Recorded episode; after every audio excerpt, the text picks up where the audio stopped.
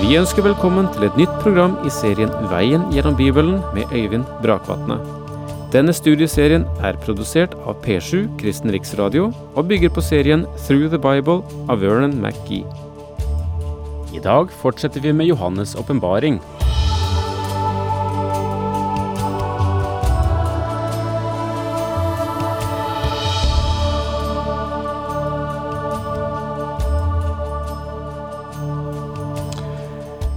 I det fjerde kapitlet som vi nå er begynt på, befinner vi oss i himmelen. Johannes er løftet ut av det som nå er.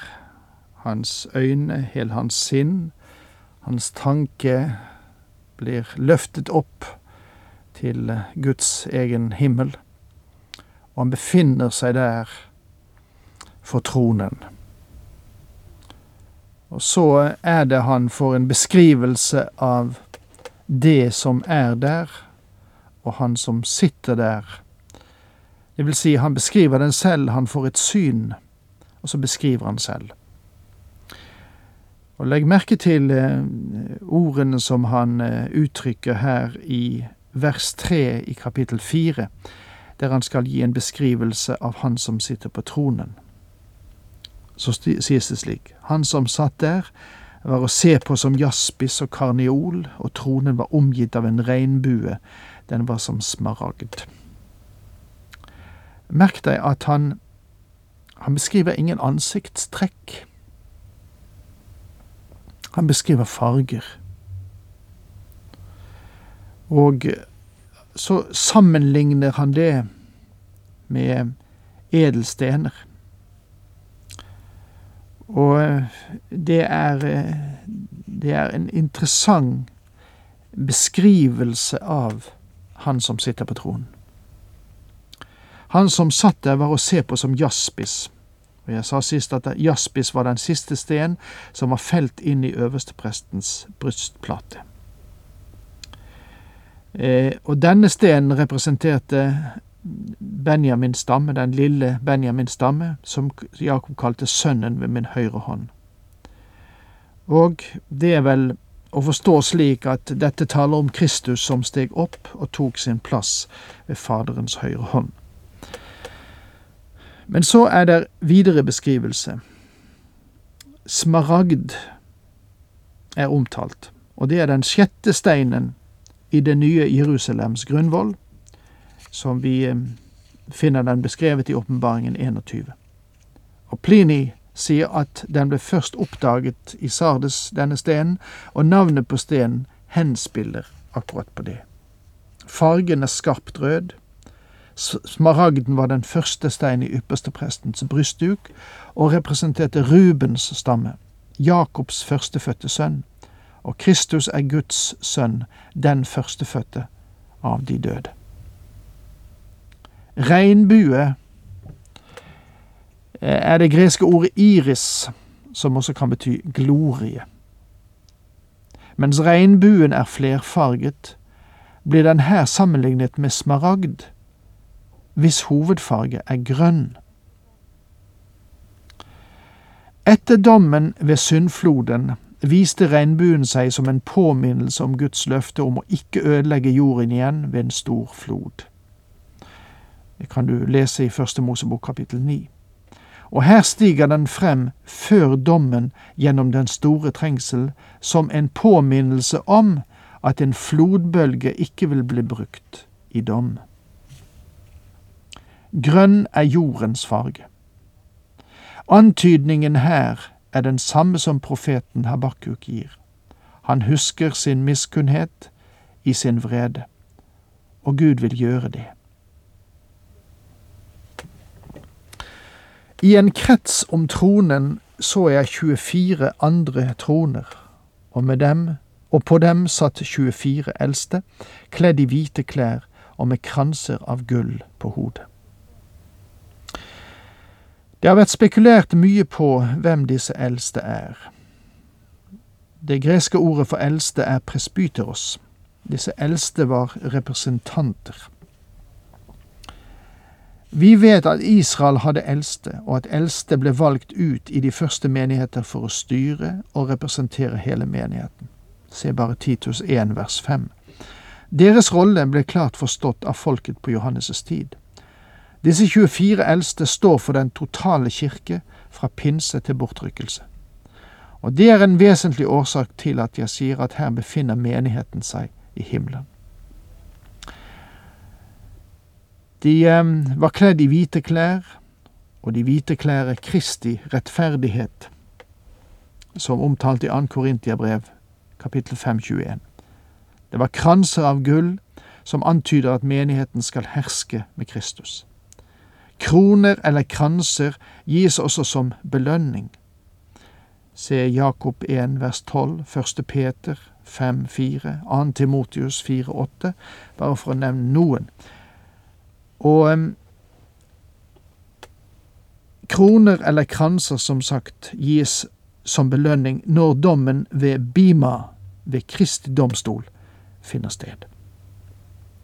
Fra tronen gikk det ut lyn og drønn og torden brak, og foran den flammet sju fakler, det er Guds sju ånder. Det som ikke kommer så helt klart fram i den norske oversettelsen her, er at dette verset står i presens. Det er, noen, det er noe som finner sted der og da. Lyn og drønn og torden kommer ofte forut for en storm, og generelt antyder det Eh, det intensive element i stormen. Og jeg tror at meningen her er at dommen er under anmarsj. Guds sju ånder er en henvisning til Den hellige ånd, og igjen må jeg minne om at tallet sju står for helhet.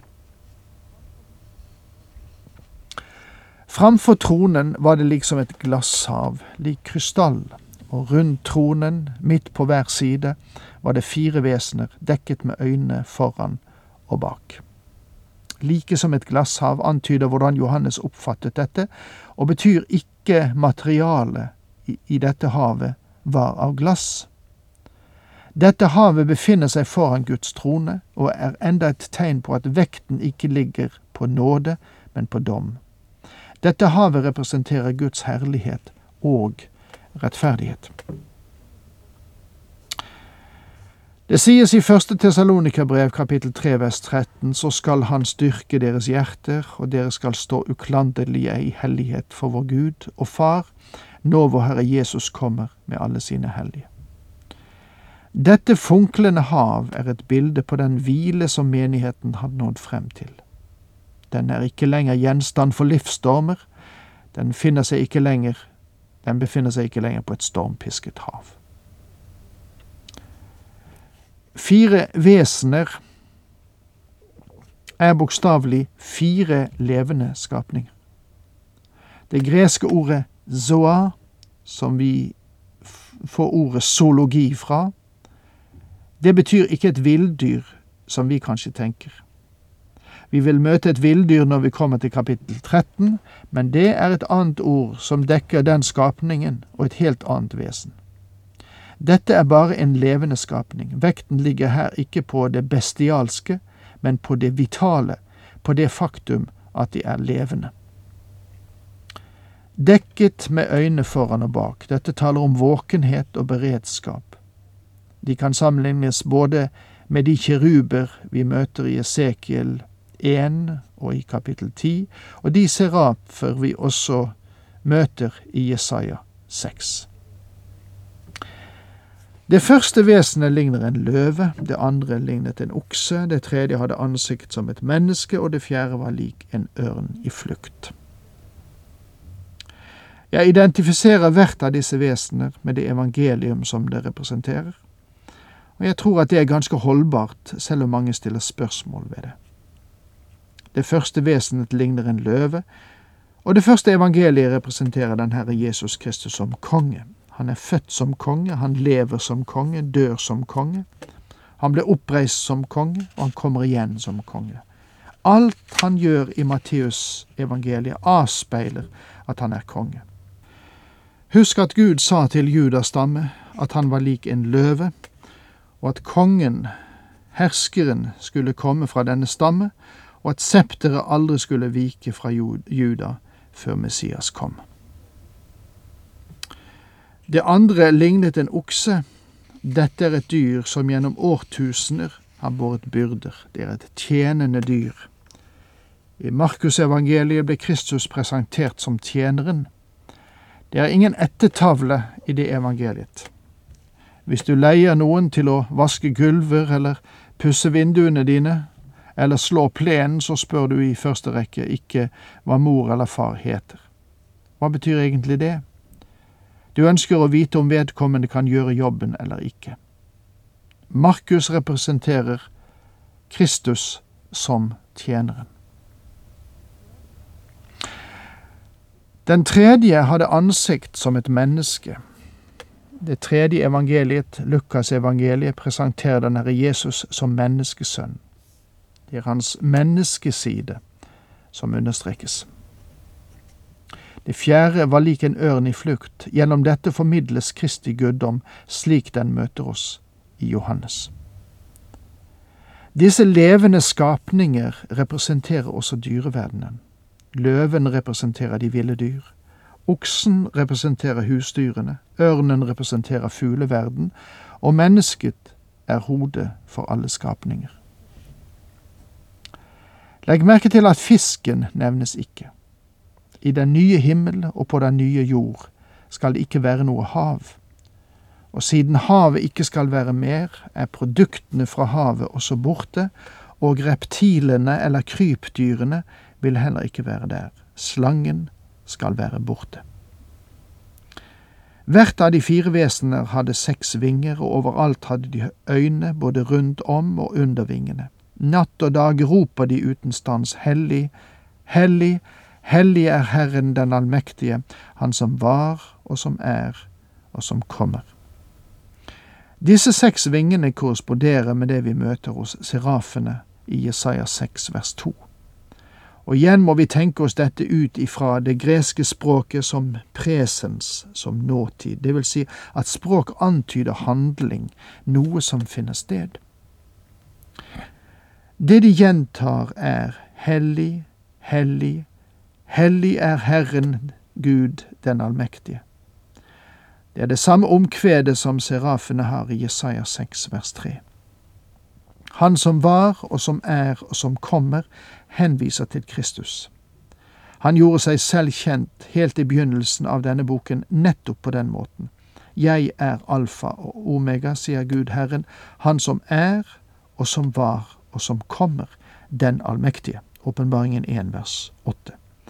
Han ble nå løftet fram for oss, og derfor behøver vi ikke å spekulere så veldig mye på denne saken. Og så fortsetter en veldig akt av lovprisning.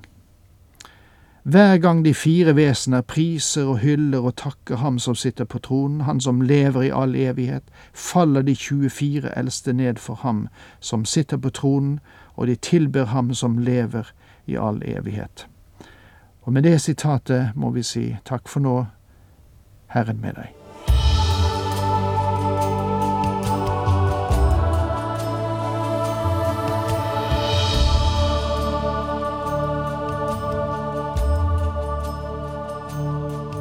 Du hørte Øyvind Brakvatne i studieserien Veien gjennom Bibelen. Serien bygger på et manus av Vern McGee. Har du spørsmål eller kommentarer til programmet, kan du sende en e-post til vgb krøllalfa p7.no. Takk for i dag, og på gjenhør.